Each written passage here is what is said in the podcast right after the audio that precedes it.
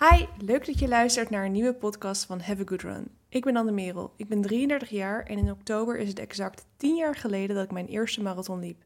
In Amsterdam. Inmiddels zijn we 12 marathons verder.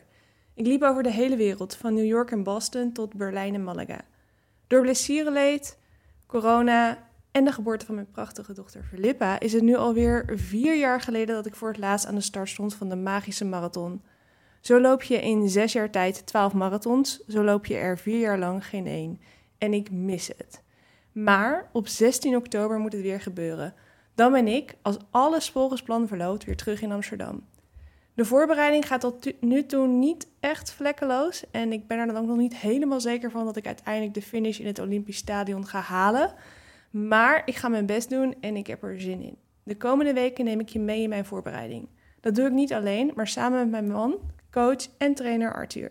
Tuur loopt liever kortere afstanden van 800 tot 10 kilometer. Maar in oktober 2021 liep hij zijn eerste en naar eigen zeggen laatste marathon in Rotterdam in 2,45. We gaan het hebben over mijn trainingen, de hobbels en de bobbels, de hoogtepunten, maar ook over voeding en waarom ik nu toch zo graag die marathon wil lopen. Wij hebben er zin in. Jij hopelijk ook. Let's go!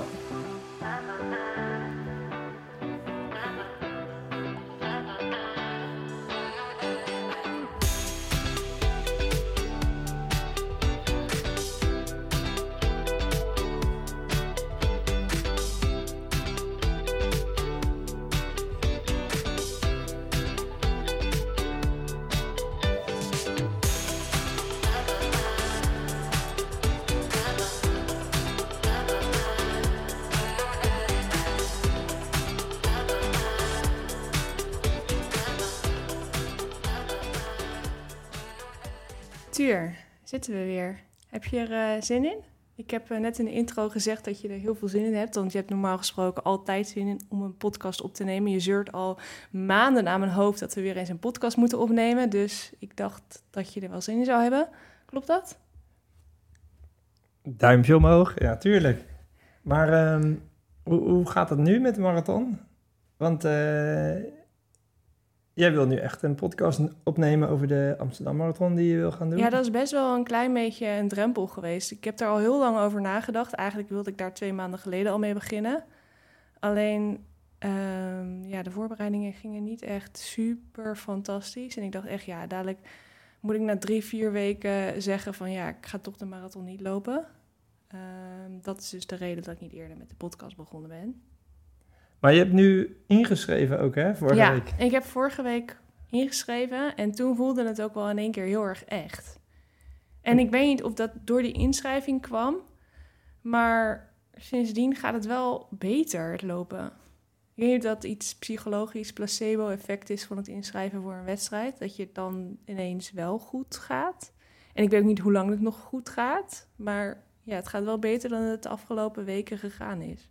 Want je, ja, je, had, je hebt natuurlijk het doel, de Amsterdam Marathon. Ja. En als je dan inschrijft, dan wordt het ineens echt een doel. Dan is het ineens echt. Dan ga je ineens in je agenda kijken van uh, oh, hoeveel weken, hoeveel dagen, welke dagen kan ik lopen, welke wedstrijden wil ik daarvoor nog lopen. Um, ja. Hoeveel, hoeveel weken heb je nu nog? Uh, vandaag is het exact twee maanden. Dus het is acht weken en vijf dagen. Dus zondag ja. nog acht weken? Zondag nog acht weken, inderdaad. Ja, en normaal gesproken als ik uh, acht weken later een marathon loop, dan heb ik nu al wel... Uh, nou ja, ik hou echt van lange duurlopen. Dus een duurloop van 30 kilometer, dat heb ik meestal acht weken voor de marathon al wel een keer gedaan. Maar daar ben ik echt nog lang niet. Want wat, wat, wat is het verste dat je nu gelopen hebt? Volgens mij 22, maar dat is ook alweer zes weken geleden. En in Italië heb je nog wel 20 gelopen? Ja, dat ging niet echt heel erg fantastisch. Uh, maar ik heb het wel volgehouden. Ook al moest ik twee keer naar het toilet. En ben ik na 14 kilometer onderuit gegaan en moest ik uh, met twee bebloede knieën en twee bebloede handen de laatste zes kilometer voltooien. Uh, en die kilometers die gingen echt steeds langzamer. Maar ik heb het wel gehaald. Dat was wel weer positief. Het was wel een goede mentale training, denk ik. Oh, dat was stom, hè? Want je loopt daar op die boulevard en uh, ik zag daar ook wel, uh, want ik ging later op de dag lopen, dat daar ineens uh, die weg eh, een hobbeltje in zit, wat je ja, niet ziet, hè? dat- je ziet het gewoon niet. Het was een, ja... Als ik mijn benen beter had opgetild, als ik niet zo moe was geweest en mijn benen beter had opgetild, dan was er niks aan de hand geweest. Maar ja, het was een soort van alsof er een elektriciteitskabel onder het asfalt lag of zo, of een boomwortel. Ik weet niet wat het was. In ieder geval, het was pijnlijk. Maar eh, het heeft niet al te veel schade opgeleverd, dus dat is weer positief. Ja, want jij kon de volgende dag gelijk wel weer trainen, hè? Nee, de volgende dag heb ik niet getraind. Ik heb vier dagen later pas weer getraind. Want we gingen naar Oostenrijk en toen gingen we wandelen. Maar dat ging wel goed. Alleen bij het dalen had ik wel echt... want Er had best wel wat vocht in mijn knieën. Bij het dalen had ik dan wel last van mijn knieën, maar... ehm, Dan staat die huid weer strak, hè? Bij je knie. Zou het daarmee te maken hebben? Ik weet het niet. Dan ging het weer omhoog open, lopen niet? ging het goed, maar naar beneden lopen was wel gevoelig. Maar ja, het ja, het dalen in de berg is altijd wel eh, gevoelig voor je, voor je spieren, hè? Je, Voor je bovenbenen, je voorkant van je bovenbenen. ja, je spieren worden helemaal uit elkaar getrokken. Bij elke landing. Als je naar beneden loopt, Ja, ja. Voor mij is het gevoel, als je naar beneden loopt, zakken de spieren juist een soort van in elkaar. Maar dat zal ik wel helemaal verkeerd zien. Ja, nee, het is andersom, ja. ja. Oké. ik, eh, ik geloof je, bewegingswetenschapper Arthur van Dijk. Ja, nee, als je, als je bij de landing, eh, de landing geeft spierpijn. Omdat je spieren uit Ook als je naar beneden wordt. loopt. Ja, ja. Ik snap wel dat de landing naar beneden lopen, dat dat spierpijn kan opleveren. Want ik heb de Boston Marathon gelopen en dan loop je ook meer naar beneden dan omhoog. En ik heb echt superveel gewandeld tijdens die marathon. Maar het is wel de marathon waar ik het meeste spierpijn aan heb overgehouden. Eh, maar ik dacht dat dat... Ik wist niet dat je spieren uit elkaar getrokken worden. Ja, dan krijg je kleine, kleine scheurtjes in je, in je spiervezels. Ja. Oké. Ik, heb het, ik denk misschien nu minder aan spieren, maar meer aan gewrichten. Maar dan kom Of je, botten. daarna ehm, herstelt dat natuurlijk en dan wordt die spier wel dikker, sterker. Ja. Maar zou dat ook met een marathon zijn? Zou je dan niet zoveel spierschade hebben dat het juist weer te veel is? Ja, marathon is gekke werk. Dat ga ik ook nooit doen. Ja, je hebt het al gedaan. Oh, dat was pas erg. Na de marathon, Ja. hoeveel spierpijn ik had. Was dat de reden waarom je nu nooit meer marathon wil lopen? Nee, nee, nee. Het proces is wel echt leuk er naartoe. En ehm, het valt ook best wel mee, die lange duurlopen die je Ja. moet doen. Ja, want je bent zo excited over de marathon dat het ineens nou ja, niet vanzelf gaat, maar eh, je hebt daar ineens wel extra motivatie voor. Motivatie die je misschien van tevoren niet verwacht dat je die zult hebben. Ja. Om die lange trainingen te doen. ja, het heeft ook wel iets... ehm, ja, ik, ik had natuurlijk nog nooit verder gelopen dan 25 kilometer. Je had een keer een 30 gelopen. Oh nee, 25. Dat was in Apeldoorn, sorry. Ja, en ehm, op een gegeven moment had ik dus op een dag, eh, stond er 12 kilometer easy. Dan kwam ik langs met drinken. Ja, Dan nog 10 kilometer easy. ja, En dan nog eh 10 kilometer eh, op marathon tempo. ja. En nou ja, dat ging allemaal goed. En dat, dat voelt dan wel echt... ja, dan voel je wel echt dat je In vorm iets, met iets moois bezig bent. Ja.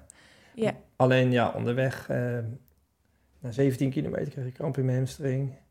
tijdens de marathon. Ja, en dat bleef maar een beetje zeuren. Ja, En toen kreeg ik een steek na 32, En toen moest je wandelen. een stukje wandelen. En, Had jij ooit eerder in een wedstrijd gewandeld?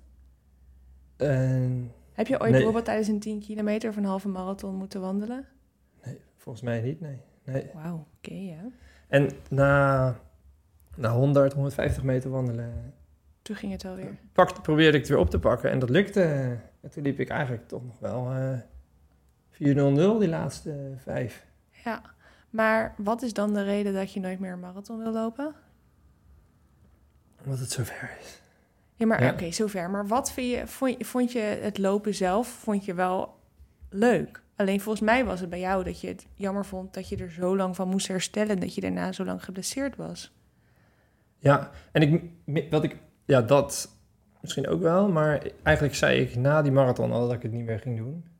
Omdat ik ook wel echt geniet van ehm eh 200'tjes op de baan in 34. Ja, maar dat kan je ook doen 32. als je een marathon loopt. Ik liep mijn snelste 200'tjes toen ik trainde voor een marathon. Dat is wel waar, ja. ja. En ehm, het kost ook wel echt veel tijd. Je bent ook soms eh 2,5 uur Weg. weg van huis. Ja. Dat is, dat is mijn grootste probleem op dit moment ook. Ja, en, en, dat ik En als je het goed wil doen, moet je toch wel, ehm denk vijf keer per week trainen. Ja, Als ik weer 2,45 zou willen lopen. ja, Dus dan moet ik toch wel weer naar de 70 kilometer minstens. En ik vind het ook zo leuk om eh, met Pippa naar de speeltuin te gaan en dat soort Ja. dingen. Dus ehm, dat is de reden. ja. En nu in de vakantie eh, heb ik eigenlijk hetzelfde ritme als in het weekend. En dat is, eh, s morgens eh, sta je op, Ja, eh lekker ontbijten. En dan, pannenkoeken. nou ja, dan gaat eh, Pippa slapen om eh 9 uur, kwart over negen. Ja. En dat is voor ons het moment dat we allebei kunnen gaan hardlopen. Hè? ja, Dus jij, jij eerst. Jij kan meestal nog wel wat eerder, omdat eh, dan, ga, dan eh, ga ik wel eh, Pippa eh, naar bed brengen. En dan, ehm, ja, daarna kan ik nog snel even. ja. En dat ritme heb ik eigenlijk zes weken nu gehad. Eigenlijk zouden we dat altijd moeten hebben, want dan kom ik thuis van het hardlopen, dan kan ik werken, dan ga je hardlopen, Pippa slaapt. Dat is echt top. Ja, Misschien kan jij tot de marathon vrijnemen, zodat ik goed kan trainen en werken.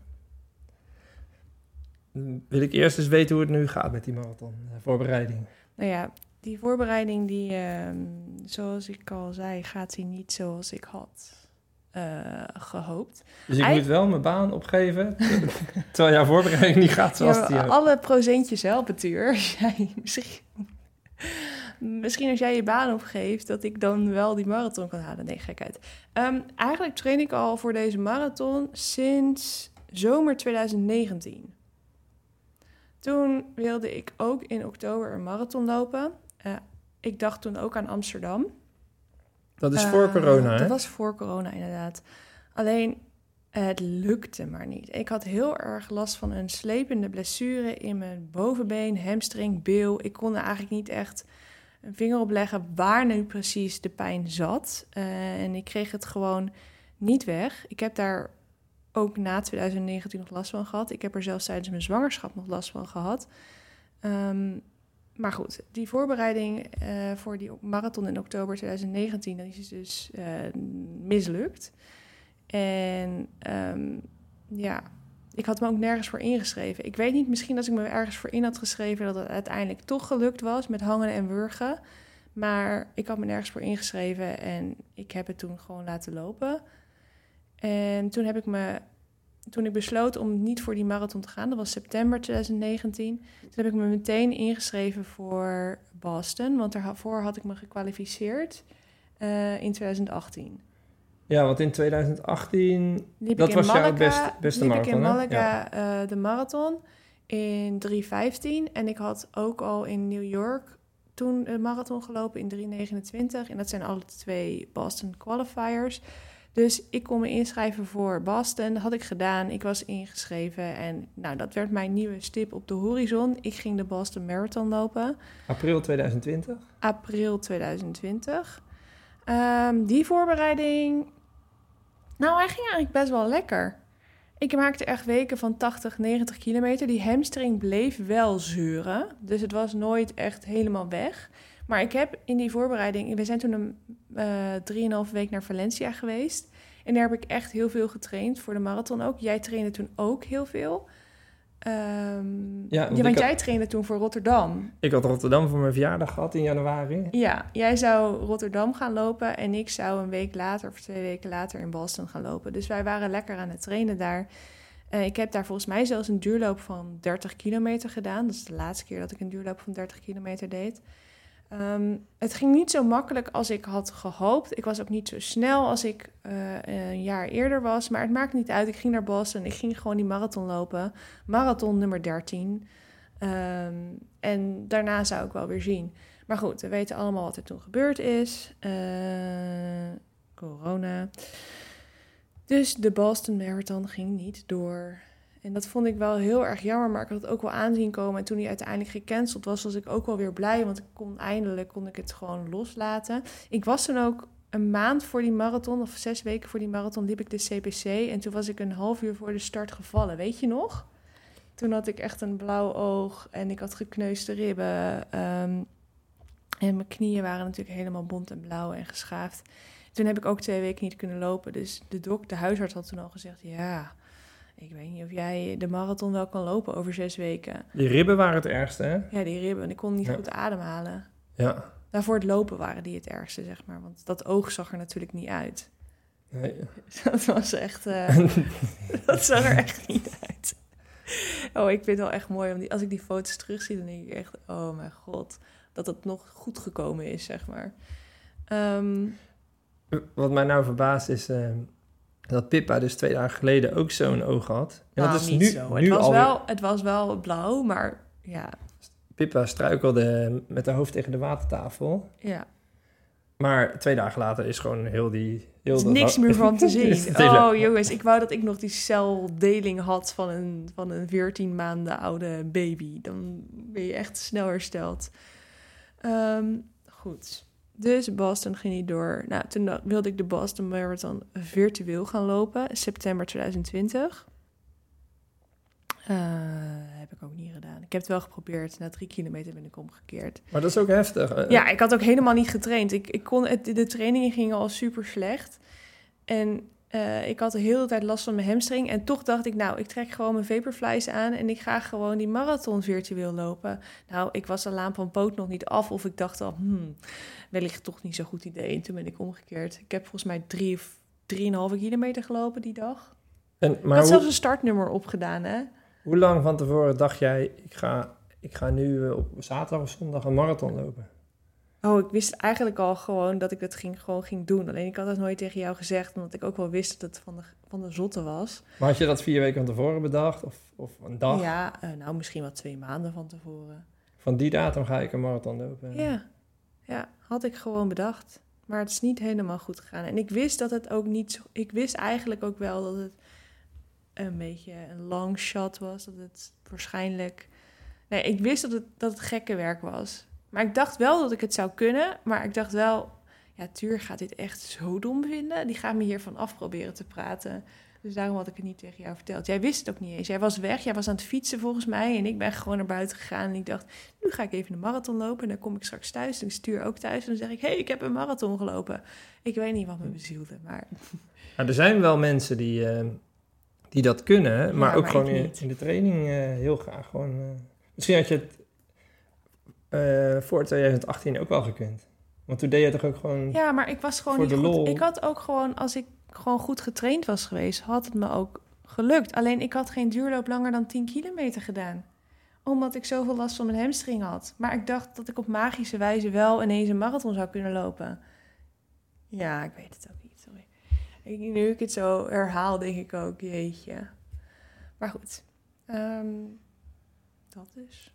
Eh, en nu zijn- September 2020. ja, september 2020. Ja, En eh, toen eh, een paar weken gingen later. daarna de marathons weer door? Of wanneer Volgens mij ging de eerste marathon pas door in het najaar van 2021. Toen... Oh ja, daarvoor had je alleen voor elite. Die Ja. mochten wel in Londen rondjes lopen. Ja, dat was 2020 zelfs. En je had natuurlijk ook de ehm, Enschede Marathon, die ook bij dat vliegveld. Was dat ook alleen voor elite? Ja, dat was alleen ja, voor elite en ook vooral voor de Nederlanders, zodat ze zich konden kwalificeren voor de marathon in... Oh, Kipchoge won daar ook, hè? Ja, Kipchoge. won- Ja, oh ja, Kipchoge heeft ook nog rondjes over een vliegveld gelopen. Kun je je dat... ik kan me daar nu al niks meer bij voorstellen. Dat we zo desperate waren voor wedstrijden... dat we rondjes over een vliegveld gingen lopen. Ja. Volgens mij kon je daar ook dan zelf nog een 10 doen. Toch? Ja, volgens mij was dat ook zo, Had ja. Dominique die niet gewonnen?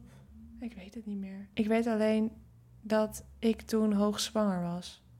Want dat is tussendoor dus ook nog gebeurd. Want in september eh, had ik dus ehm, die mislukte marathon.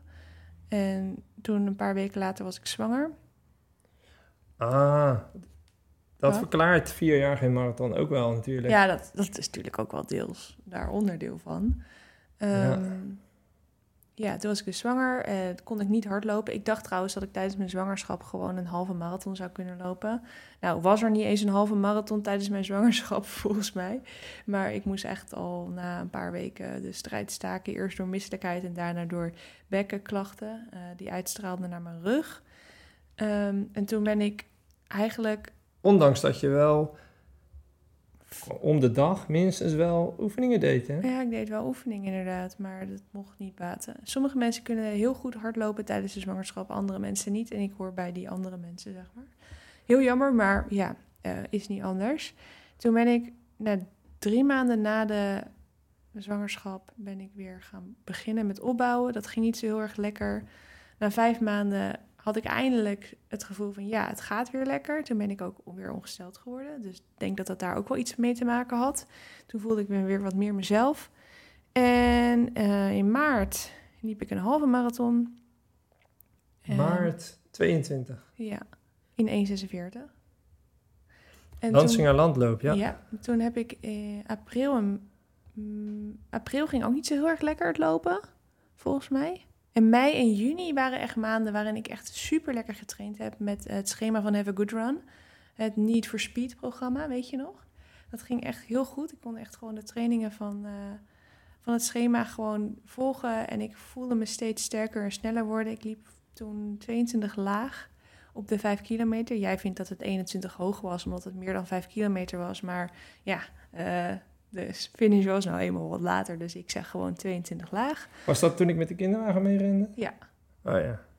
En um, toen ging ik begin juli weer naar de tandarts. En toen, ik weet niet wat er toen gebeurd is, maar sindsdien heb ik kiespijn. En het gaat nu beter. Uh, ik ben nu zes weken heb ik kiespijn gehad. Dat ik echt zeg maar van die kiespijn waar je ook echt pijnstilling voor moet slikken de hele dag. Maar ik ben vorige week naar een kaakfysio geweest en inmiddels gaat het beter. Dus ja, ik kan weer lopen. Ja, ik hoor je minder klagen over. Uh... ja, oh ja, maar het is, was ook wel echt. Ook de, de pijn kwam het heftigst op het moment dat Pip begon te, te jammeren. Dus ik denk dat had al een soort van uh, dat, dat was al een soort van signaal dat het niet met, echt met mijn kies te maken had, maar meer met mijn spieren. Want als Pip begint te jammeren, dan, dan schiet ik zeg maar een soort van aan. Niet, ik wil niet zeggen dat ik dan gelijk stress heb, maar ja, je denkt dan toch van, oeh, ik moet iets doen. En dat zorgt ervoor, bijvoorbeeld al voor kiespijn. Wat niet zo heel erg fijn was. En s'nachts vooral. En op een gegeven moment zit je in een soort van visieuze cirkel. Want ik had dan kiespijn en dan denk je oh, wanneer houdt dit nou een keer op? Wat is dit? Uh, gaat het ooit nog wel goed komen? Moeten al mijn kiezen eruit? Uh, en dan, daar krijg je alleen maar meer stress van. En dan wordt de kiespijn alleen maar erger. Want um, jij vertelde mij op een gegeven moment... Uh, ja, ik kan nu gewoon lekker 16 kilometer lopen op 25. Maar als ik duizendjes ga doen... Het was 45. Oh, duizendjes ga doen ehm, uh, die wat harder gaan, dan krijg ik kiespijn. Ja, dat dus ook. Dus iedere keer als ik wat harder liep, dan kreeg dan, ja, ik denk dat je dan ook iets meer verkrampt of zo. Uh, en dan kreeg ik dus meer kiespijn. Dat heb ik nog steeds trouwens wel, uh, ook deze week. Dat als ik harder ga, dat ik dan echt heel erg veel moeite moet doen om mijn mond te ontspannen. En ik merk ook nu, ook al ben ik best wel relaxed bij deze podcast, ik merk nu wel weer dat mijn kaak, zeg maar, um, dat er iets van spanning op zit. Dus ik zou eigenlijk eventjes mijn kaak moeten masseren. Oh, ik voel, het, ik, voel, ik voel gewoon echt die spier als ik die nu aanraak. Voor de, voor de podcast deed het, had ik helemaal nergens last van. En nu voelt hij gewoon weer helemaal, nou ja, een beetje op spanning. Maar ik weet dus inmiddels wat het is, dus ik maak me minder zorgen. Dus op de een of andere manier doet het denk ik daardoor ook minder pijn. En, um, maar je wil dus heel graag je, je marathon gaan lopen, je, je dertiende marathon. Ja. Ook al heb ik dus zes weken geen echte trainingen kunnen doen. Ik heb dus zes weken lang alleen maar easy duurloopjes gedaan. Het, het schema begon eigenlijk al zeven weken geleden. En ik heb toen twee trainingen kunnen doen. En daarna ging ik naar de tandarts. En toen heb ik eigenlijk alleen maar rustige duurloopjes kunnen doen. En er waren soms ook weken tussen waar ik maar 10 kilometer liep. In de hele week. En nu heb je mij, nog ja. eh, acht weken, zei je? Ja. Eh, ja, het, het kan wel. Weet je wat wel, wat wel positief is? Ehm, toen ik trainen als een topatleet deed, halverwege het schema was ik eigenlijk op mijn toppunt van mijn fysieke. Oh, en dat, het was natuurlijk een 16 weken schema dan. Ja, alleen het enige is natuurlijk dat ik eh, nu ook weer moet gaan taperen. Dus het is niet dat ik nu acht weken keihard ga trainen. Ik heb eigenlijk maar zes weken om heel hard te trainen. Want dan, dan heb ik nog 2,5 weken om te taperen. Ja. Ja, dat is niet zo heel veel. Maar het moet lukken. En ehm, ehm, je hebt dus vorige week ingeschreven voor die marathon. Ja. En wanneer ben je dan... eh, dat je, wanneer ben je echt het schema gaan oppakken weer dan? Ehm, daarna pas. Eh, zondag. Dat is twee dagen geleden. Ik heb pas tweede training van het schema gedaan. ja, maar kijk, het schema is natuurlijk heel leuk, maar het is natuurlijk ook niet heilig. Ik heb wel gewoon duurloopjes gedaan. Ik heb vorige week 40 kilometer gelopen. Ik train eh, mijn, mijn weken lopen van zaterdag tot en met vrijdag omdat ik ook een trainingsdagboek bijhoud voor eh, de deelnemers van Have a Good Run. En die krijgen ze op zondag. Dus daarom eh, begin ik mijn schema altijd op zaterdag. Zodat ik zaterdag de, mijn trainingsdagboek af kan maken en dan kan versturen voor zondag. Dan kunnen ze met jou meelezen wat jij doet, Ja, inderdaad. hoe het met jou gegaan is. Ja, dus da daarom starten mijn trainingsweken op zaterdag. En vorige week heb ik dus 40 kilometer gelopen. Het waren wel allemaal easy kilometers. Maar ja, toch 40 kilometer. Dat is denk ik wel een mooie basis. Dus week, dus zeg maar negen weken van tevoren had ik 40 kilometer. En, en wat, ehm, wat houdt je op dit moment tegen ehm, dat de trainingen... Dat je, dat je 40 kilometer kan houden? Ja. Is het dan je kies dat je niet harder kan? Of is het je heup? Nou, mijn kies voel ik wel, zeg maar, als ik veel harder ga. Maar ik heb dus nu wel de trainingen weer opgepakt. Dus dat, eh, dat gaat wel beter. Maar als ik bijvoorbeeld, eh, wanneer was het? Eergisteren, zondag, toen deed ik 25 seconden ook op 5 kilometer tempo. En dan voel ik wel mijn heup. Maar dat is weer iets anders. Dat kwam omdat ik eh, een paar maanden geleden ging ik ineens veel te veel op de baan trainen. Eh, in één week vier keer, terwijl ik daarvoor nooit op de baan liep. En toen kreeg ik last van mijn heup en dat is eigenlijk nooit helemaal weggegaan. Maar het doet dus niet pijn als ik gewoon rechtuit loop of als ik gewoon eh, tempo's tot 4,15 loop. Maar als ik echt zeg maar versnellingslopen doe en voluit ga, dan voel ik wel. Ik denk dat mijn pas dan groter wordt en dat het dan te veel trekt aan mijn heup. Maar ik ga toch geen marathon in 4,15 tempo lopen. Oh, dat mocht ik willen. Dan zou ik drie uur kunnen breken. Maar ik ben blij als ik de vier uur breek dit keer. Ja, want het gaat je echt om ehm, dat je een leuke voorbereiding hebt vooral. En dat je die marathon op een prettige manier uitloopt, toch? Ja, goed onthouden. Toch? Goed geluisterd. Ja, ik heb natuurlijk in 2018 en ook de jaren daarvoor richtte ik me tijdens de trainingen best wel op prestatie. Ik wilde steeds sneller. Ehm, nou, dat is toen ook gelukt in 2018. Ik verbeterde eindelijk dat PR dat ik in 2015 gelopen had. Toen liep ik 3,15. Ehm, maar daarna wilde ik natuurlijk nog beter. Alleen, ja, het, het hoeft niet altijd beter. En ik weet ook gewoon, ik kan nu gewoon niet beter. Want ik heb gewoon niet die basis die ik in 2018 had. En ik heb ook niet die, die, die tijd nu om alles erin te stoppen. Ik heb nu eh, acht weken. Ehm, en ik ben natuurlijk net zwanger geweest. Ik heb nog de hormonen van die zwangerschap in mijn lichaam. Ik heb eh, borstvoeding, geef ik nog steeds. Ik ben het nu heel erg aan het afbouwen. Ik denk dat het nog maar twee, drie weken duurt en dan is het echt helemaal klaar. Maar dat zit natuurlijk nog steeds in je lichaam. Dat zal zeggen dat dat nog drie maanden lang soort van doorsuddert in je lichaam. Dus ja, ik, ik heb ook het gevoel dat ik nog niet 100% hersteld ben van die bevalling. Ehm, dus ja, ik weet, ik weet dat ik nu geen PR kan lopen. En dan kun je volgens mij maar gewoon veel beter voor 100% plezier gaan. En dat is dus eigenlijk gewoon het doel. Ik wil gewoon goed trainen, zodat ik eh, goed genoeg getraind ben om de marathon met plezier en op een gezonde manier te kunnen lopen. Dus ik wil de marathon niet op mijn tandvlees hoeven lopen. En wa- waarom Mijn nou... ontstoken eh, tandvlees trouwens. Mijn tandvlees is ook nog ontstoken, ja. waarom zo graag nu al een marathon en niet eh, de halve van Amsterdam, bijvoorbeeld? Hmm, goeie vraag. Wat trekt jou zo erg aan die marathon? Ik heb gewoon zoveel zin in weer die... Die marathon, die maakt gewoon wat in mij los, waardoor ik meer zin krijg om te trainen. Het is zo groot dat ik... En ja, het is echt een gevoel. Het is zo lastig. Ehm,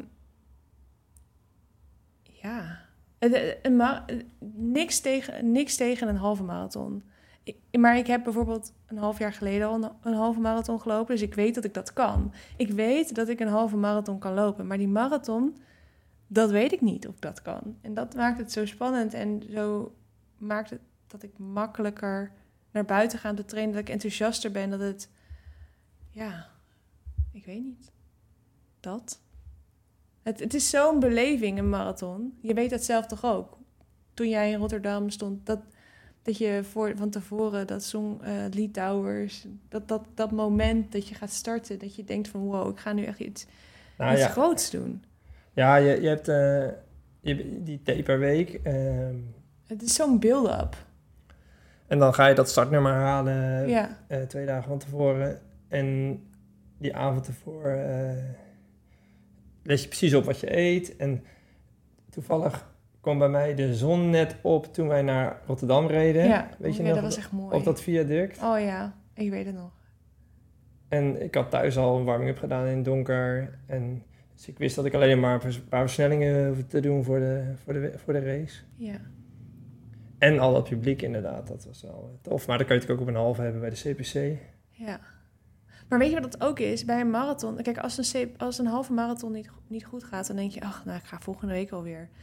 En bij een marathon is het echt, je leeft echt naar die dag toe. En op die dag moet het gebeuren. En dat maakt het extra bijzonder. Want als je, zeg maar, als je de marathon loopt en het gaat niet goed, ja, de meeste mensen gaan dan niet de week daarna het weer proberen. Er zijn van die mensen die denken, die dat wel doen, maar ehm, de meeste mensen die lopen één marathon in een half jaar of per jaar of eens in de vier jaar, zoals ik nu. Ehm, dat vind ik, dat, dat maakt het ook wel weer extra bijzonder.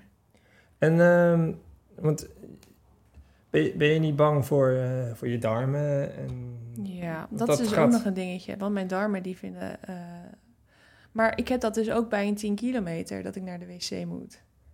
Niet alleen bij een marathon. Dus ja. Eh, ja, ik weet inmiddels dat het twee minuten duurt om naar het toilet te gaan. Als er een toilet is. Je halve marathon in, eh, in maart, eh, ben je toen onderweg naar het toilet gegaan? Nee, toen heb ik medicijnen geslikt. Eh, Imodium Duo, dat is niet eens in Nederland te verkrijgen volgens mij. Maar dat zit een extra stofje bij waardoor je... En dat hielp. Ja, dat hielp Ja. heel goed, want ik had geen last van mijn buik. Nou, Ja, maar je mag het niet met borstvoeding geven. Dat is waarom ik het niet in trainingen gebruik. oh ja. Maar tegen die tijd geef ik geen borstvoeding meer. Oh, dus dat ga je misschien wel gebruiken in eh, Amsterdam. Ja, misschien wel. Denk het eigenlijk wel, ja. Ja. Wat zijn nog meer valkuilen? Nou ja, eh, ik moet wel natuurlijk die afstanden, die la- lange duurlopen wil ik wel doen. Want die benen gaan niet vanzelf 42 kilometer lopen. Wat ik nou bijvoorbeeld vorige week zo mooi vond, is... eh, jij, jij ging op maandag trainen. Ja, Volgens mij liep je 10 kilometer. zes. Ja, ja je wilde 10. Eh, Geen idee helemaal. en en het, het werd 6. we waren net terug van vakantie. Je, had, je zei, ja, ik, had, ik kwam niet vooruit. had vermoeide benen. Ja, eh, de warmte erbij. En, ehm, maar jij zei al, eh, morgen probeer ik het gewoon weer. ja. En toen die- liep ik drie. Toen, toen kwam je naar drie al terug. Ja. En, eh, maar ja, je dacht niet van nou... eh, want je zei, ik ben niet moe. Eh, op dit Nee. moment, ik ben niet moe. Eh, ik ben ook uitgerust. Maar, eh, want dat, toen hielden je darmen je tegen, toch? Ja, maar toen had ik geen. Ja, Ja, En jij dacht, je zei gewoon, ik probeer het gewoon de volgende dag opnieuw en opnieuw. ja en toen en uiteindelijk liep, liep, ging het gewoon steeds beter de hele week, hè? Ja, toen ging ik woensdag weer, toen liep ik wel 10. Toen liep ik donderdag weer 10. Toen liep ik vrijdag weer 10. Eh, allemaal heel easy, maar het lukte wel. En mijn benen herstelden ook heel snel. Ik had En- de volgende dag geen last van de. En in het weekend heb je nog een 16 gelopen, volgens mij. Ehm, Toch? ik weet het niet meer. Wat heb ik? Zaterdag heb ik 7 gelopen. En toen heb ik zondag heb ik bijna 13 gelopen, 12,9 of zo. Dat was die eerste training met die verschillende tempo's. Ja. Dus ja, de aanhouder wint. Ik heb vandaag een rustdag. Daarom hebben we tijd voor een podcast. Ja, maar weet je wat ik ook gewoon heb? Ehm, ik heb nu dus 12 marathons gelopen en ik heb het idee dat die marathon nummer 13, dat dat gewoon een beetje een ongeluksgetal is. Dus dat ik die 13 gewoon even uit de weg moet ruimen, zodat er daarna weer ruimte is voor marathon nummer 14 en dat die voorbereiding dan wel goed gaat. Zou dat niet kunnen? En, eh, maar wat is je plan dan voor de komende twee maanden? Trainen. Heel veel trainen. Dat wordt natuurlijk wel weer lastig als jij volgende week gaat werken. Dan, dan moeten we daar wel eventjes naar kijken wanneer je kan trainen. Eh, goed plannen, denk ik. Ehm, maar ja, ik, weet je, het, het gaat nu goed. Maar het kan natuurlijk net zo goed zijn dat de trainingen eh, morgen, vanaf morgen weer niet goed gaan. Maar ik moet gewoon ik weet nu van, ik kan altijd easy duurloopjes blijven doen als ik maar niet geblesseerd raak. Dus ik moet zorgen dat ik niet geblesseerd raak, maar wel gewoon altijd mijn kilometers kan blijven maken. Dus ja, proberen ondanks kiespijn toch gewoon 40, eh 50 kilometer in de week te lopen. Ehm, fit blijven is dus heel belangrijk. En je Dus- hebt al nu een stap gemaakt met die eh kaakfysio, hè? Ja, inderdaad. Daardoor, eh, ja, je zegt net van, eh, ik heb ja, al een tijd geen pijnstillers meer nodig. Ja, al vijf dagen niet. Terwijl ik eerst drie keer per dag eh, twee pijnstillers slikte. Dus dat is echt al een super verbetering. Nou ja, ik moet gewoon fit blijven. Niet alleen die kiezen moeten goed blijven, maar ook gewoon niet ziek worden. Dat wordt wel een dingetje, want Pip die gaat straks voor het eerst naar het kinderdagverblijf. En dadelijk neemt ze daar vandaan allemaal dingen mee naar huis. En dan word ik dadelijk ziek van haar.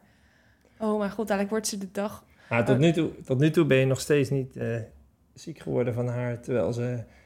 Ik heb in- corona van haar gekregen. In, al- in allerlei speeltuinen Ja, eh Dat is ze allerlei schommels en dingetjes. Ja, maar het is natuurlijk ook wel anders in de zomer dan in de herfst. Ja. Ja. Anyway, veel slapen. Dat is Ja. wel afhankelijk van Pip ook. Moet Ja, zeggen. Als je acht uur wil maken, moet je, Gewoon moet je tien, uur, tien uur naar bed, want Pippa is zes uur wakker. Stipt. ja, stipt inderdaad. Ja. Op vakantie sliep ze af en toe wel iets langer. Ja, dat, was, dat was het donkerder met die eh ja, maar hè? dus misschien straks als, de, als het weer donkerder wordt met... ehm, de klok gaat natuurlijk ook weer een uurtje... Maar dat is pas Oh, na de nee. marathon. Is dat daarna? Oké, ja, Ja. dat is waar. Maar het wordt, natuurlijk wel uit, steeds, het wordt ook wel steeds eerder donker, toch? En later licht. Volgens mij is het nu al vijf voor half zeven wanneer het donker licht wordt. De zon komt nu pas na zes uur op in ieder geval. Terwijl Ja. dat eerst natuurlijk om half vijf was. Ja, en goed eten, dat is ook wel echt heel belangrijk. Ik moet echt meer groente eten. En minder eh, snelle suikers. Neem een voorbeeld aan je dochter die eh, Broccoli een halve broccoli eh opeten. hè? En zij houdt wel echt van broccoli. Maar ik, ik, ik stel nu ook wel heel vaak voor om broccoli te eten. Hè? Merk je dat? Ja, Ja, hè? Ik, ik vind het eigenlijk niet eens zo vies. Het, maar het is ook niet echt lekker, weet je. Ik hou gewoon echt heel erg van lekker eten. En broccoli vind ik gewoon niet dat je denkt... Hmm, lekker broccoli. Nou, je moet gewoon tegen jezelf zeggen, oh, lekker broccoli. Ja, dat zeg jij altijd. Ja, eigenlijk vind ik het ook helemaal niet lekker. Vind je het ook niet lekker? Maar Maar je weet dat het gez- wel. gezond voor je is, dus daarom vind jij het lekker. Ja. Ja, nou ja, misschien moet ik dat ook meer, eh, meer gaan denken van, nou ja, het is gezond voor me, ik ga het gewoon eten. Ehm, dus ik heb nu ook, ga ik wel weer meer mijn, eh, ik ben sinds twee weken, slik ik nu dagelijks mijn vitaminepillen. Eh, dat moet ik ook gewoon slikken nu, omdat met borstvoeding en zo. En volgens mij heb ik, ja, het kan volgens mij nooit kwaad. Ehm, En ik merk wel dat ik meer energie heb, maar het kan ook placebo-effect zijn. Alleen ik heb die pillen dus al sinds april en ik ben zo slecht daarin, hè. Ik kan gewoon, ik kan, als ik me niet volledig erop focus, vergeet ik gewoon die dingen te slikken. Ik heb daar dan geen zin in. En er staat ook dat je op dat je het niet binnen een half uur eh, na koffie mag slikken. Nou ja, Dus dan eigenlijk... eh, Ja, wat? Eigenlijk? ehm, dat moeten wij gewoon een vitamine, rooster. vit- vitamine eh, momentje inlassen. Want ja, Pippa moet ik ook vitamine D. Ja. En het kost serieus 30 seconden om die pillen te slikken. Drie potjes openen, pilletjes eruit, glaasje water, klaar. Het slaat echt helemaal nergens op. En ik wil ook wel weer minderen met alcohol, maar daar ben ik al goed mee bezig. Op vakantie dronken we natuurlijk iedere dag. Het was nooit meer dan twee. Meestal zelfs maar één. Ehm, maar ik merk wel dat dat, ook al zijn het maar twee drankjes, dat je de volgende ochtend gewoon minder fris bent. En dan word je gewoon minder fris wakker. En als, je, als ik minder fris wakker ben, sommige mensen kunnen best wel op een, als ze niet helemaal fit zijn, gewoon heel goed presteren. Maar ik word daar gewoon zagrijnig van als ik me niet helemaal fit voel. En wij hebben nog geen eh, fles lim limoncello. eh. Nee, we hebben geen limoncello gedronken. Dat kan niet als je een baby hebt. Als je s'avonds shortjes gaat zitten drinken, dan heb je de volgende ochtend gewoon een probleem. Want Pippa heeft er geen boodschap aan dat jij een leuke avond hebt gehad. Echt niet. Ja. Dus goed eten. Heel goed eten. En ook veel eten. Maar dat is voor mij niet zo'n probleem. Want eh, je merkt al snel, weet je, ehm, ik, volgens mijn horloge verbrand ik iedere dag rond de 2500 calorieën op- een dag dat ik getraind heb. Nou, dan moet je gewoon minstens 2500 calorieën eten, anders krijg je een energietekort. En dan krijg je, en bij een energietekort, dan word je gewoon moe van. Toch? Ik knik ja. Ja, knikt ja. Er zijn geen beelden bij het hier. Dus je zult eventjes je, je uit moeten vertellen wat je uitbeeldt, zeg Ja. maar. Ik denk dat het wel heel gezond is eh, eh, als je een baby hebt die elke dag zes uur opstaat. Ja. Want je gaat beter voor jezelf zorgen. Je, ja, en, je, je moet wel voor jezelf zorgen, want anders dan red je het niet. en je zit ook in een, in, in een ritme, hè? Ja. Maar dat zaten we ook toen we iedere dag om kwart voor zeven opstonden, omdat jij naar je werk moest. Ja. En kwart voor zeven vind ik toch wel iets fijner dan zes uur, moet ik zeggen. Maar verder, ja, hè, wat zijn die drie kwartier nou? Maar vroeger maakte ik gerust negen uur in de nacht. En nu ben ik wel echt heel blij als ik er acht heb. Ja, ja, zeven. Zeven of acht. Maar ja, ik ben blij als ik acht heb. Als ik zeven heb, ben ik tevreden. En heb je nog eh, inspiratie gekregen voor je marathon eh, door het EK? Ja, want gisteren was natuurlijk de, de EK, de marathon in München. Nou, ik ben in ieder geval blij dat de Amsterdam Marathon iets eerder start dan half elf. En ik ben ook blij dat het niet in de zomer is. Dus dan is de kans op die temperaturen die ze daar hadden iets kleiner. Maar Amsterdam is ook nog wel eens echt veel te warm, hè? Soms wel. Ja. Ja. Maar ik moet zeggen dat die warmte... eh, in Italië was het om 7 uur vaak al 30 graden. Ehm, als je gewoon accepteert dat je gaat zweten... dat is echt gewoon... dan ben je al zo ver. Je, ja, je kunt niet het tempo lopen. Het is moeilijker om het tempo te lopen... ehm, dan wanneer je gewoon 13 graden hebt en bewolkt. Ehm, maar Ja, ik, vind, ik, ik merk dus bij warm weer dat je aan het begin heel makkelijk het tempo kan lopen. ja, Maar daarna, Oh, oh ja, maar ik heb dat helemaal niet eens geprobeerd. Ik heb alleen maar easy gelopen. Ja. Ik ga morgen trouwens ehm, een training doen waar ik een beetje flashbacks van krijg van eh, 2018. Ik ga drie keer vijf kilometer op marathontempo lopen. En dat Eh. vind ik best wel spannend, want ik heb eigenlijk nog nooit meer dan drie kilometer op dat tempo gelopen de afgelopen twee maanden. Dus ik denk dat ik ehm, niet zeg maar drie keer vijf kilometer marathontempo gelopen, maar dat ik de eerste 20 seconden langzamer, de tweede 10 seconden langzamer en als het dan lukt, de laatste op marathontempo. ja, of op hartslag kan natuurlijk ook, hè? Ja, maar weet je wat het nou is? Ik denk wel dat ik het qua hartslag aan zou kunnen. Alleen ik ben niet gewend om zo lang op die hartslag te lopen. Het is best wel lastig om drie keer vijf kilometer op marathonhartslag te gaan lopen als jij gewend bent om 15 slagen lager te lopen. Dat is wel mentaal echt een enorm ding. En mentaal is zo belangrijk. Denk je niet? Nou ja, die blokken zijn natuurlijk sowieso wel mentaal eh, pittig. Ja, die ment ja. Maar ik denk Ja. dat als je rustiger begint, dat het dan misschien mentaal makkelijker is. Ja, en weet je wat ook zo heerlijk is? Al heb je maar een minuutje om te wandelen tussendoor. Ja, ik heb 90 seconden om te wandelen tussendoor. Oh, je gaat wandelen? Ik weet niet wat er staat. Wat staat er? Er staat eh 90 seconden wandelen tussendoor. Het is eerst 5 kilometer inlopen, dan eh, versnellingen. Ik denk dat ik de versnellingen niet doe. Misschien wel. Wat zal ik doen? Ik krijg last van mijn heup van versnellingen. Dus misschien beter niet doen. Ja, of je loopt ze op dat marathontempo.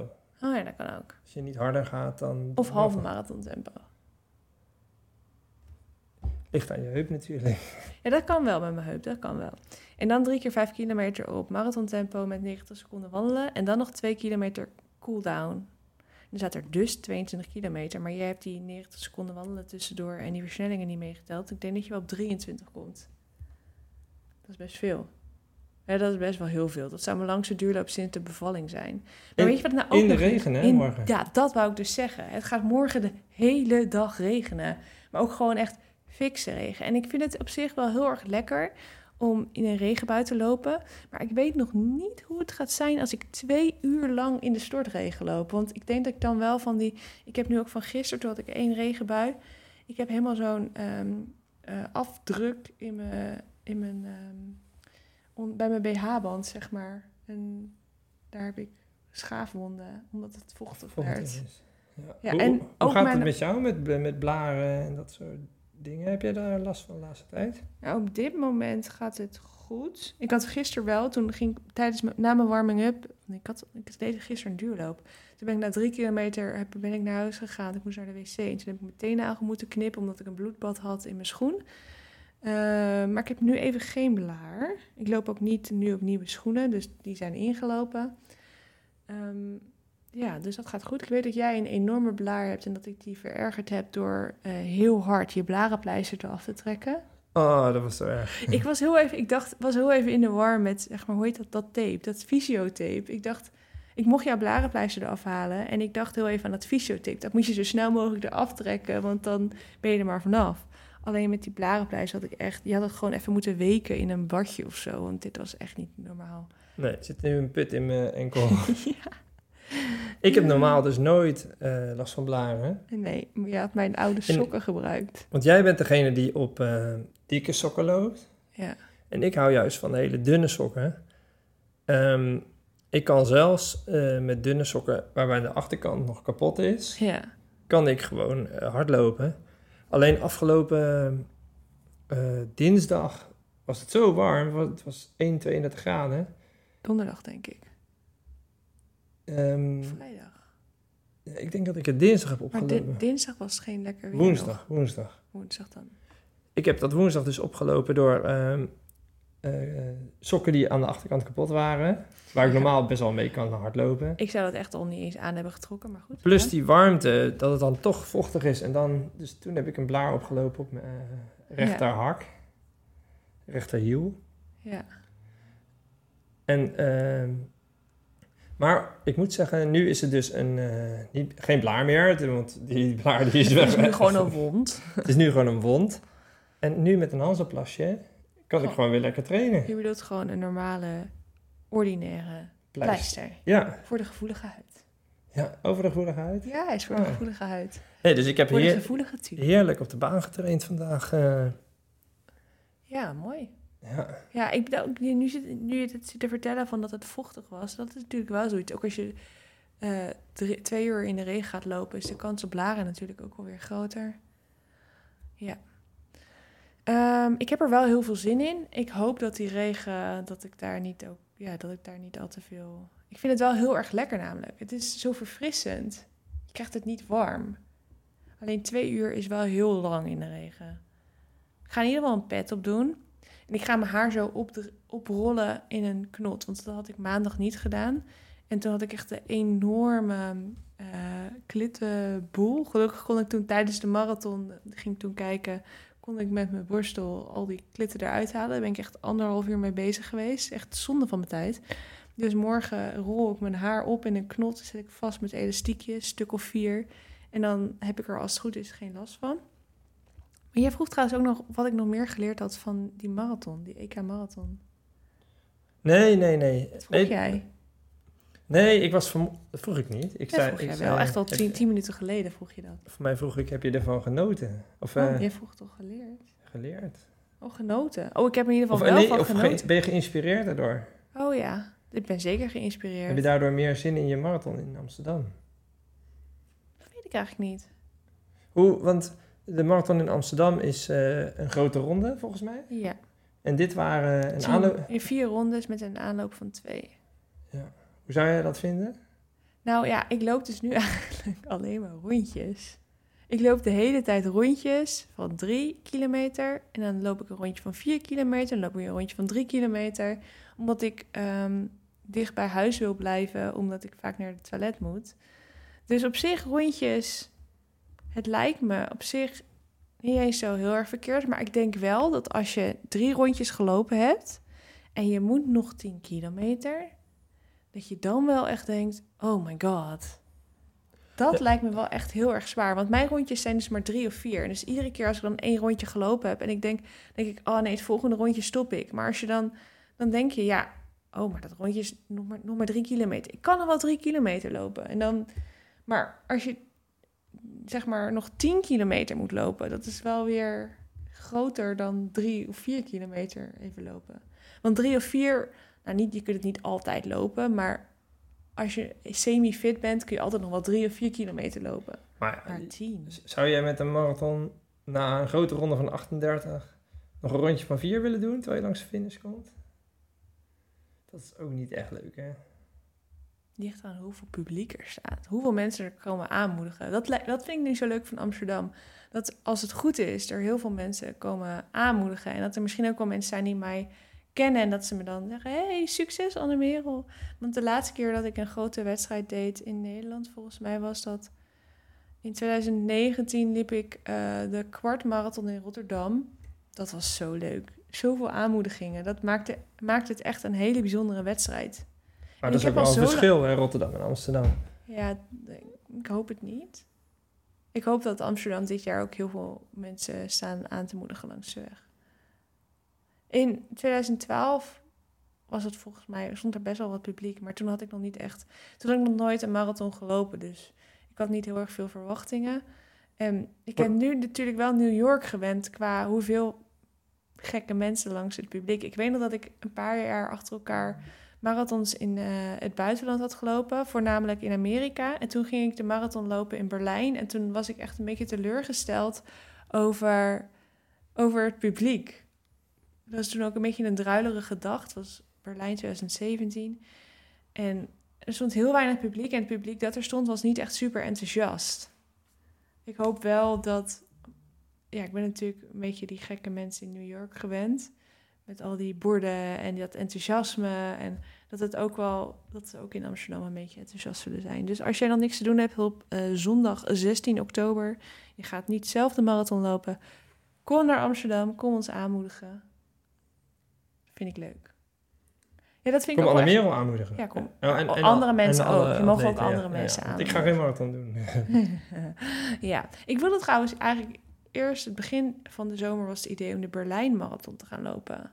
Maar dat heb ik heel snel uit mijn hoofd gezet, omdat de voorbereiding niet goed ging. Dan zou ik nu dus al over vijf weken marathon moeten lopen. En het was ook vreselijk om eh, met die trein... Oh ja, we gingen dus begin deze zomer gingen we naar Berlijn met de trein. En dat in mijn herinnering was dat echt super relaxed en easy. Want in mijn herinnering ging ik altijd, ik ging altijd alleen. We hadden zelfs een upgrade naar eerste Eerste klas. klas. Dus dan zou je denken, Super relaxed. te relaxed. Ja, ik, mijn, maar ik, toen ik nog alleen ging, dan ging ik gewoon slapen of ik ging een beetje werken. En dan was je zo in Berlijn. En nu gingen we eh, met Filippa En het was 25 graden, of misschien wel 30. buiten. En binnen was het denk ik 45 graden, want de airco deed het niet. De airco van de internationale trein, eerste klas.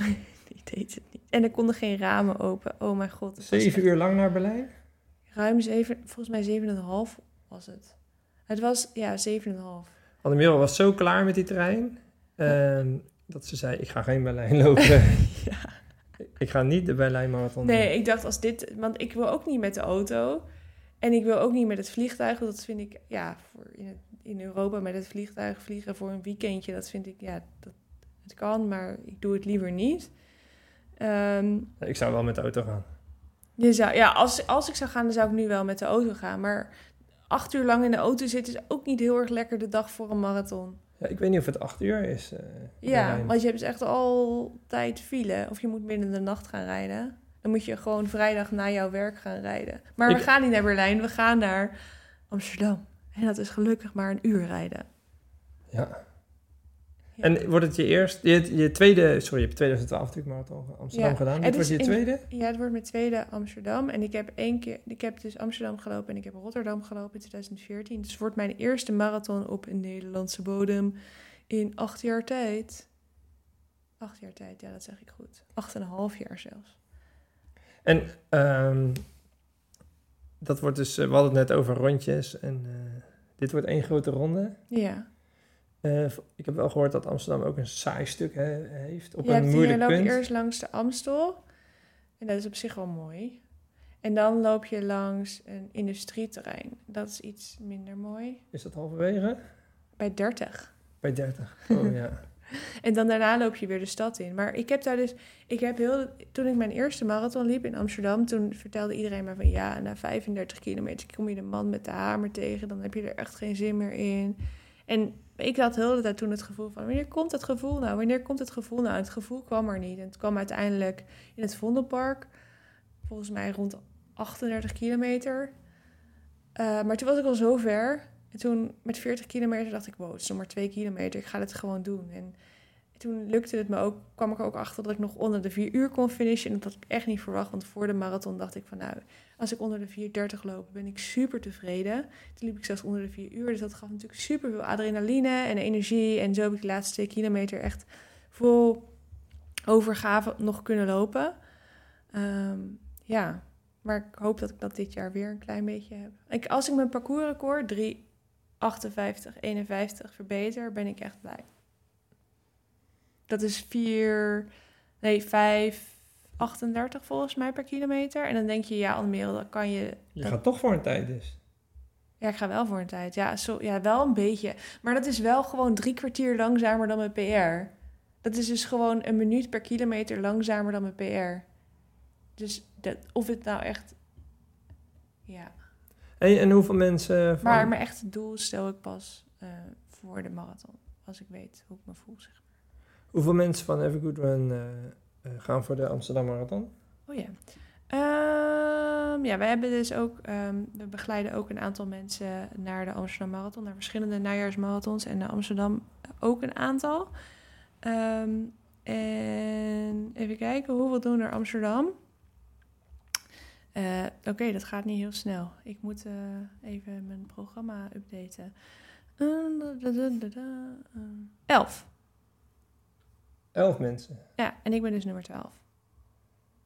Leuk hè? Ik vind Ja. het ook leuk dat er... Dus die volgen allemaal hetzelfde schema. Ja, En ehm, maar er zijn, alle andere, er zijn ook nog heel veel andere mensen die ook hetzelfde schema volgen. Alleen die zitten nu in een andere week van het schema. Die lopen bijvoorbeeld Chicago of Berlijn of New York of eh, Londen. Maar hoe, hoe, hoe, eh, hoe zit het dan? Want er zijn natuurlijk mensen die eh, voor eh 3 uur 15 gaan. Ja, Maar er zijn ook mensen die voor eh 5 uur gaan. En die Ja. helemaal niet zoveel trainen. Hoe kunnen die allemaal hetzelfde schema eh, trainen dan? en dat mag jij uitleggen, want jij bent de maker van het schema. Ja, ik weet dat wel, maar ik weet niet of jij dat ook... Ja, ik weet het ook, maar jij kan het veel mooier uitleggen. En ik heb al zoveel gepraat. En dan zegt iedereen weer dat ik te veel praat en jou niet uit laat praten. Dus nu mag jij iets zeggen. Nee, Annemerel die traint op dit moment... Nou, eigenlijk niet. Eh, niet op dit moment. Annemerel eh, die wil denk ik vier, vijf keer per week trainen. Ja. Als je vijf keer per week traint, dan doe je het volledige schema. Ja, En eh, als je nog meer wil trainen, dan kan je natuurlijk altijd nog aanvullen met easy duurloopjes. easy duurloopjes, hè? Ja. En ehm, elke week staan er wel drie trainingen op die, die echt belangrijk Aanbevolen worden. Ja, die echt belangrijk zijn. Ehm, waarvan we echt willen dat je dat, je dat doet. Ja. Tenminste, waar, we, ja, Waar, we, waar, wij, waar wij zelf van denken van hier moet je de focus op leggen. Als je hier de focus op legt, dan, dat is het, dan dat is, zou het belangrijkste zijn voor de meeste mensen. Maar als jij, kijk, dan zijn er nog twee optionele trainingen. Maar je kunt ook altijd een optionele training wijzigen, eh, wisselen voor een eh, andere, een, een tussen haakjes verplichte training. Als jij denkt dat je daar meer uit kunt halen. Als het voor jou die andere training op dat moment beter werkt. Want er zijn natuurlijk ook wel eens mensen die dan bijvoorbeeld... Dan staat er bijvoorbeeld een easy duurloopje... is dan bijvoorbeeld ehm, optioneel. Maar als je dan ergens last iets onder de leden hebt... dan is het misschien voor jou op dat moment beter... om dat easy duurloopje te doen... en niet die eh, training met snelle tempo's. Dus ja, daar ben je natuurlijk altijd ook zelf vrij in... om dat aan te passen. Ja. En ehm, we hebben ook voor gekozen om eh, een, voor een 12-weekse voorbereiding. Dus 12 weken voor, voor de wedstrijd eh, gaan we echt eh, richting de, de marathon richting, trainen. richting marathon, ja. Daarvoor is het een beetje basis... en daarna 12 weken richting de marathon. Ja. En ehm, sommige mensen die hebben dan als basis gekozen om eh, aan hun uithoudingsvermogen te werken. Sommige mensen die zeggen, ja, ik wil eigenlijk aan mijn snelheid werken als basis voor die 12 weken. Ja. En in de zomer kan je natuurlijk heel goed aan je snelheid werken. Dat En merkte ik trouwens ook zelf eh, afgelopen vrijdag. Ja. Ik ging, ik, eh, ging weer eens naar de baan. En nou ja, door die warmte... Had je toen niet die blaar opgelopen? Nee, nee, nee. Nee, want ik eh, had toen mijn Vaporfly aan. En daar had je, Toen ja. merkte ik dat ik eigenlijk... ehm, dat is een andere schoen dan de Pegasus. Ja, dat is meestal. De, die is, hij is, eh, de Vaporfly is wat zachter aan de achterkant. Ja. Waardoor ik die blaar helemaal niet meer voelde. Ah. Maar ja, ik, ik kan natuurlijk niet alle trainingen op Vaporfly gaan doen. Dat zeg jij nu zeker omdat ik al zes dagen achter elkaar paperflies train. Ja, Annemerel die had dus het gevoel dat ze daar benen niet meer... eh, Goed goed, optilde. je voeten niet meer goed op kon tillen. En dat ze dan een soort struikelpas had. Dus toen dacht ze, ik ga vandaag eens een keer op Vaporfly trainen. En toen ging het goed en nu durf ik niet meer zonder. Dus sindsdien traint ze dus... maar het zijn eh, wel hele oude. Dus ik weet niet of die carbonplaat überhaupt nog iets doet. Ze zijn echt al drie jaar oud. die carbonplaten, eh, die blijven wel goed volgens mij. Het is de Maar fo- gaat, is foam het, is het minder niet, is, het- zou niet er steeds meer soort van scheurtjes in het carbon komen? Hoe meer landingen je maakt, dat er meer, steeds meer scheurtjes komen, dat die steeds minder stijf wordt. Ja, ik weet het. Ja, volgens mij, eh, want zo'n Vaporfly is een, een wedstrijdschoen. Dus je kan er niet echt veel kilometers mee maken. Dat doe ik op dit moment wel. Maar volgens mij is dan, omdat die slijt, die onderkant, dat is Ja. toch de reden dat... eh, Ik zal het dus wel eens googlen. Komen we op terug in de podcast. Wat nou de precieze reden is. Maar ja, het foam zal het sowieso zijn. Maar ik hoorde laatst ook Suzanne in de Suzy Q&A volgens mij zeggen... dat er scheurtjes in de carbonplaat kwamen. Maar ik weet niet of ik dat goed gehoord heb. dat je carbonplaat eh, breekt. Niet breekt, maar dat, er gewoon, dat die minder stijf wordt. Als je natuurlijk steeds op land... wordt die natuurlijk- kan hij toch steeds minder stijf worden. Ja, ik heb geen natuurkunde gehad. Tot de derde. Daarna heb ik het zo snel mogelijk laten vallen. Jij was hier de na- natuurkundige. Dus jij zou hier een antwoord... De Ja, bewegingswetenschapper zelfs. ja, alles kan kapot natuurlijk. Dat is Ja, wel waar, ja. ja. ik wilde nu iets heel flauws zeggen, maar ik houd het maar voor me. Zo aardig ben jij. Ja, maar waar hadden we het nou over? Oh ja, dat- als je, jij ging in de warmte trainen. Ja, Of je vaporflies. en ik wist natuurlijk altijd wel dat ehm, eh, warmte goed is voor je snelheid. Ehm, nou ja, je, je voelt gewoon je pijntjes minder. Ja, En eh, op een of andere manier lo- loop je echt... Als je 200 doet of 30, zo 10 keer 30 seconden... Je loopt zoveel harder dan je eigenlijk op dat moment denkt dat je, dat je kan. ja. Dus dat is wel positief. Weet je wat ik ook zo fijn vind aan 200 in de zomer? In de winter heb je echt duizend lagen aan en dan voel je je gewoon als sloom. In de zomer, jij liep volgens mij alleen in je korte broekje. Vol- Volgens mij had je niet eens een shirt aan. Dan, Ja. dan voel je je ook zo vrij. Ja. ja. Dat, ze- ik denk dat dat, ook, dat dat ook wel echt heel erg meewerkt. Toch? Je moet niet alleen knikken, je moet het ook zeggen. Want mensen kunnen niet zien dat je knikt, Tuur. Ja, de wereld. Heeft gelijk. Anyway. Ehm, ja. Je verder nog iets te vragen of te vertellen? We zijn al een uur bezig. Ieder moment kan Pip wakker worden. Ja, nou ja, ik heb eh, de afgelopen maanden dus best wel ehm, vaak tegen Annemio gezegd... eh, moet dat nou echt? Wil je nou echt zo graag een marathon? Ehm, marathon is toch wel echt een impact. Eh, je bent net zwanger geweest. Een half is ook leuk en een tien. Ja, Maar ja, is zeker zo. ik weet gewoon dat het bij Annemio niet uit haar hoofd te praten is. Ja. Ehm, volgens mij eh, hou je van de magie van de marathon. De magische marathon. Eh, het doel om eh, naartoe te werken. Ja. Ehm, je wil graag af zijn van je dertiende marathon. ja, dat ook heel graag. Schone lei beginnen met je veertiende. Ja. Eh nou ja, je vindt het ook wel echt leuk terug in Amsterdam. ja, het is ook exact tien jaar geleden. Dus het is ook wel een soort van... Ja, En ik vind ik dat ben, wel bijzonder eigenlijk. Tien jaar na dato weer in Amsterdam. en eh, nou ja, als eh, eh, husband Husband, ja. wil je natuurlijk wel het beste voor, Voor je vrouw. Voor je vrouw. ja. Dus ik- ik, ben al behoorlijk gerustgesteld dat je geen tijdsdoel hebt.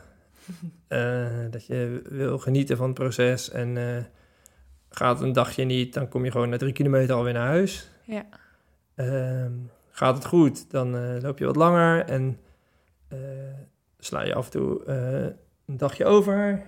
Ja. Is het, het, nou ja, het voelt allemaal wel safe. Ja, fijn. Ja, het voelt voor mij ook safe. Ik heb echt gewoon, ik train om een goede, om een leuke marathon te kunnen lopen. Niet een goede, maar een leuke. En ik weet heus wel dat, ook al ben je goed getraind en je loopt niet op, de, op je tandvlees, dat je dan alsnog na 30 kilometer heel erg zwaar kan krijgen. Maar ja, ik wil het niet al na 10 kilometer zwaar krijgen, zoals ik in Malaga echt na 14 kilometer al kotsmisselijk was van de jelletjes. En omdat ik veel te hard gestart was. Dat wil ik gewoon niet meer meemaken. Oh, dat is ook wel echt iets... eh, Dat ging niet, niet helemaal goed bij jou, hè, je marathon. Nee, maar met alles. Ik merkte het vandaag weer. Ehm, ik deed duizendjes. Ik liep rond de 320. En ehm, op een gegeven moment kwam er eentje van 322. Waar ik best wel een stuk aan ging op het einde. Toen dacht ik, eh, de volgende ga ik gewoon eh, iets geconcentreerder op mijn mijn ritme letten. En niet meer zo hard instarten. Dus ik liep en... ehm, op een gegeven moment moest ik nog 200 en ik kijk op mijn horloge. Oh, ik loop 321 tempo. Ik kon nog redelijk mijn pas versnellen. En ik dacht, nou, nu is het wel 320. Het is ineens 318. Je kan, ja, maar je kan zo lekker... ehm, als je ontspannen en rustig instart... kan je zo, zo lekker eh, naar het einde toe Ja, eh, versnellen of hetzelfde blijven lopen. ja, dat is ook een van de redenen waarom ik me niet heb ingeschreven voor het NK Marathon. Want dat had ik ook kunnen doen. Ehm, dat is tegelijkertijd met de Amsterdam Marathon. Tijdens de Amsterdam Marathon is ook het NK. Maar dan start je dus voorin. Om- Als je met je Als wedstrijdlicentie ik in... met mijn wedstrijdlicentie was ingeschreven, dan had ik voorin moeten starten. En nou ja, ik weet zeker dat ik niet eh, competitive ben voor het NK, zeg maar. Want dan sta je bij de mensen onder drie uur of zo, of onder 2,45. Ik sta dan gewoon echt direct achter de elite lopers. En nu heb je ingeschreven met 3,15 of zo? Ja, maar dan kan ik altijd nog wat naar achter gaan. Maar ik, ja. Maar ik wil gewoon niet dat ik gewoon de eerste... Dat ik eigenlijk gewoon de hele marathon voorbij gelopen word. Want dat is zo demotiverend. Het is zoveel lekkerder om met mensen te lopen die hetzelfde tempo lopen als jij. Hoe, hoe, hoe was dat bij de, de Golden Ten? Want toen, ehm, dat was afgelopen mei. Toen, Ja. toen schreef jij ook in, zei nee, ik ga niet mijn PR opgeven. Ik ga eh, achterin het vak staan. ja. Van, En toen werd ik in het begin ook nog best wel veel... eh, kon je een beetje wegkomen dan? ja, het ging prima. Gewoon die eerste kilometer was alsnog gemiddeld voor de rest van de kilometers. Oké. Ja, want dat is een hele sm- smalle start. Ja. Ja, ja, het ging eigenlijk best wel prima. En ja, ik had natuurlijk... Alsnog stonden er mensen achter mij die sneller waren.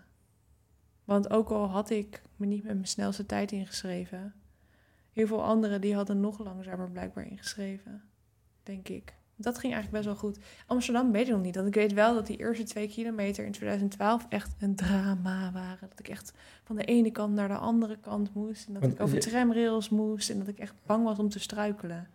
Oh, toen had je natuurlijk nooit een tijd staan. Want nu... Nee, en toen dacht ik dat ik 4.30 ging lopen. Dus volgens mij heb ik dat toen ook opgegeven. Dus ja, dat... eh, Maar sowieso eh, is Amsterdam volgens mij de eerste kilometer best wel smal. Weet ik eigenlijk niet zeker. Moet ik eh eventjes nog in verdiepen. Gelukkig heb ik nog acht weken. Maar Ja. het, het is al gewoon heel relaxed dat ik niet een bepaalde tijd wil gaan lopen. Ja, het liefst onder, dat, eh, onder die 3, 58, 51. Ehm, maar laten we nu eerst maar eens gewoon lekker gaan trainen. En dan zien we later wel wat daadwerkelijk mijn doel wordt. En ik denk dat dat voornamelijk gewoon uitlopen gaat zijn. Dat ik er gewoon vanaf ben. En dat ik gewoon met plezier weer, dat ik weer een mooi verhaal heb. Want ik put nu steeds uit die 12 marathons. Maar die zijn, op een gegeven moment raken je verhalen ook op. Je moet af en toe weer zelf verhalen maken om verhalen te kunnen vertellen. Wat was je mooiste van de twaalf als laatste vraag? Eh, New York 2018. Of Berlijn 2015. Berlijn, 2000, mag, eh, Berlijn 2000 of, of mijn eerste in Amsterdam. Mijn eerste in Amsterdam, omdat het super bijzonder was dat ik die marathon eh, uitliep. En dat het dat voelde zo gaaf. En dat ik ook onder de vier uur liep, terwijl ik dat helemaal niet verwacht had. Ik wist natuurlijk helemaal niet wat ik kon ver- verwachten toen. Dat vond ik echt, ja, dat, dat, daar Hoe lang liep jij toen hard voordat je je eerste marathon deed? Zes jaar. Oh, zes jaar wel. Ja, ja, ja, maar ik heb wel de eerste jaren met eh, zeg maar af en toe een paar maanden niet en dan weer een paar maanden wel. Ik ben sinds 2000, het begin 2011, ah, nee, begin 2000, ja, begin 2011 liep ik mijn eerste halve marathon. Toen ging ik daarna ook weer heel lang niet hardlopen. Sinds november 2011 ben ik echt geregeld aan het hardlopen. Alleen niet hardlopen als ik geblesseerd was, zeg maar dat. Of zwanger. Ehm, dus Amsterdam 2012, omdat mijn eerste was. Ehm, Berlijn 2015, omdat ik heel veel harder liep dan ik had verwacht. Ik liep een, liep een PR, ik liep 326. Ik had toen nog 358 staan. En ja, alles kwam gewoon samen ehm, in Berlijn op 2015 op die dag Met de trein naartoe gegaan? met de trein naartoe gegaan, helemaal alleen daar. En ja, volgens mij, nee, ik was niet voor het eerst alleen. Ik was niet voor het eerst in Berlijn. Maar in ieder geval, het was echt een hele. Het weer was perfect. Het was gewoon. Ik liep een PR van 32 minuten. Wanneer loop je nou een PR van 32 minuten? Dat is echt bizar. Bijna een minuut per kilometer. Nu ga ik straks een minuut per kilometer langzamer dan mijn PR. Anyway, en toen in 2018, toen liep ik eh, New York als voorbereiding op de Malaga Marathon. Ik was net geblesseerd geweest, had een stressfractuur in mijn eh, voet gehad. En dit was eigenlijk gewoon een duurloop richting, ehm, richting Malaga. En ik zou eigenlijk, wist ik nog niet of ik hem uit zou gaan lopen. Ik had tegen de sportarts gezegd dat ik hem waarschijnlijk niet uit zou lopen. Stiekem wist ik wel dat ik hem eigenlijk heel erg graag uit wilde lopen. Dat als ik het gewoon goed voelde, was je elfde. dat was mijn elfde inderdaad. En toen heb ik hem als duurloop dus gelopen. Maar ik liep. Ik had toen zo'n basis dat ik gewoon op hetzelfde tempo, ongeveer hetzelfde tempo liep als in Berlijn. En ik heb nog met jou gebeld toen op de, op de brug, weet je nog? Die Queensboro Bridge. Tijdens de wedstrijd. Tijdens de wedstrijd gingen we facetimen. Het was echt, ehm, echt, ja, het ging zo lekker. Ik had ook gewoon, ik heb die hele marathon geen pijn gevoeld. Althans, dat herinner ik me niet. Waarschijnlijk heb ik wel de laatste kilometers het wel gevoeld, maar het was niet zo heftig dat ik me nu nog kan herinneren. Toen liep ik 3,29. Dat was, ja, dus die drie. Amsterdam 2012, Berlijn 2015, New York 2018. Steeds na drie jaar. Ik had dus eigenlijk in 2021 weer een mooie ervaring moeten hebben. Maar toen had ik een andere mooie ervaring. Een marathon van 24 uur op 18 juni. De geboorte van mijn dochter. Eh, ik denk dat ik echt zoveel liever 24 uur lang hardloop dan 24 uur aan het bevallen ben. Dat kan ik je wel vertellen. Ja, ik vond het ook heel zwaar, want ik heb die hele nacht niet geslapen. Echt wel, je hebt wel geslapen. Ik niet, jij wel. Nou ja, dat was wel echt heel zwaar voor jou inderdaad. Je, hebt- je hebt heel goed geholpen, maar je hebt wel geslapen. Dat kan ik me nog herinneren, dat ik dat jij sliep. Dat ik je niet wakker wilde maken. Ja, anyway. Nog wat te vertellen of zullen we afsluiten? We zijn al een uur en een kwartier bezig. Eh, nee, dat was het denk ik wel. Ja? eh. Oké, Nou, dit is dus eh, de eerste podcast, als het goed is, uit een serie. Dus volgende week of over twee weken zijn we weer terug eh, met een nieuwe aflevering. En dan eh, horen jullie hoe het met mijn voorbereidingen gaat. We gaan het ook dus deze podcastserie hebben over verschillende onderwerpen die bij de marathon te maken hebben, waaronder voeding. Ik zit nu te kijken naar een hele stapel met producten van Morten die Tuur net voor me gehaald heeft. Ik ga morgen mijn training met voeding doen, want die valkuil uit 2018, dat ik misselijk was na 14 kilometer, daar willen we dit keer niet weer intrappen. Dus ik ga goed met voeding trainen. Daar gaan we het ook uitgebreid over hebben. En er komt nog veel meer aan bod. Dus ik hoop dat je blijft luisteren, dat je dit leuk vond om te horen. En have a good run. have a good run en geniet van het eh EK Atletiek in München. Oh ja, oh, daar geniet ik ook echt van. Vanavond de 5000. Vanavond de 5000, morgen de 400 finale. Mike Voppel loopt ook vanavond, toch? Yep, klopt. Ja. Ja, ik kijk het meest uit naar de 400 morgen, denk ik. Femke Bol. Femke Bol en Lieke Klaver in de finale. De Hordes natuurlijk. En eh, de 4x4 vind ik ook altijd super leuk om te zien. Eigenlijk alle 400'tjes. Ja, Het zou wel leuk zijn als Tony de 800 finale had. dat zou ook heel gaaf zijn. Ik ben ook heel benieuwd hoe eh Maureen Koster en Diana van der Essen het gaan doen op de 5000. Dat ben ik ook wel... eh, en Ja. Eilish McColgan, of ze de zesde grote kampioenschapswedstrijd deze zomer gaat lopen. Die eh Eilish, of Eil- Eilish, ze zeggen Eilish op de BBC. Die is ook wel echt eh, bizar bezig. Zo, ja. De WK ging niet helemaal lekker, had ze blessure, maar bij de Commonwealth Games was ze eerst op de 10.000, tweede op de 5.000. Gisteren werd ze tweede op de 10.000. Wat gaat ze doen op de 5.000? ja. Ik ben benieuwd. Ja, gewoon het tempo eh, dat ze dan zelf neerzetten. Hè? Ja, maar zij, 3-2, loopt, zij doet al haar 3-2, trainingen 3-2. volgens mij ook alleen. Of in ieder geval het grootste gedeelte van haar trainingen doet ze alleen. Dus ik denk De dat ze wel echt op de fiets, toch? ja, ik denk dat ze wel gewend is om eh, al die tempo's, die harde tempo's in haar eentje te lopen. In ieder geval heel leuk om te volgen. En ze gaat ook nog de marathon doen, hè? In Londen. Ja. En een paar weken daarvoor doet ze de halve in Londen. Mo Farah loopt daar ook weer, hè? Ja, ik ben benieuwd wat die eh, kan laten zien. Jij dacht ooit nog dat hij ging winnen van Kipchoge in Londen, weet je nog? 2019? Ja, ik was... eh, ik, ik, ik, ja, ik ben nog steeds wel team Mo Farah. Ja. Gewoon wat hij heeft laten zien. Ja, en je hebt hem natuurlijk ontmoet. Dat geeft ook, schept ook wel een extra band. Hij heeft me een keer aangemoedigd eh, tijdens de training. Woe! go Artour, go Artour. Zei die echt je naam? Nee, nee. ik heb Kipchoge geïnterviewd. Ja. Ja. Anyway. Ja, ik ben ook wel weer eh, meer bekelen. Ja? Ja, Die heb ik Ja. nooit geïnterviewd. Ook nooit gezien in het echt. maar Kipchoge doet het ook wel goed. dat is ook wel aardig. Mo Farah. Ja, ik- ik ben wel benieuwd of hij een goede marathon gaat laten zien. La- het is lang geleden dat hij echt een goede wedstrijd heeft gelopen. De laatste keer dat hij een halve marathon liep, toen werd hij verslagen door een recreant. Ja, dat zei dus dat. Ja, hij was natuurlijk wel een goede atleet. Ja, het was wel een goede recreant. Ja. Ja. Dat, ze liepen een, een half marathon in een uur. Dat is gewoon goed. Ja, oké. Maar vroeger met zijn eindsprint had hij die recreant wel bij kunnen houden. Maar hij wordt ook een dagje ouder. Ik ook trouwens. Ehm dank je voor het luisteren. En tot de volgende podcast. Have a good run. Have a good run.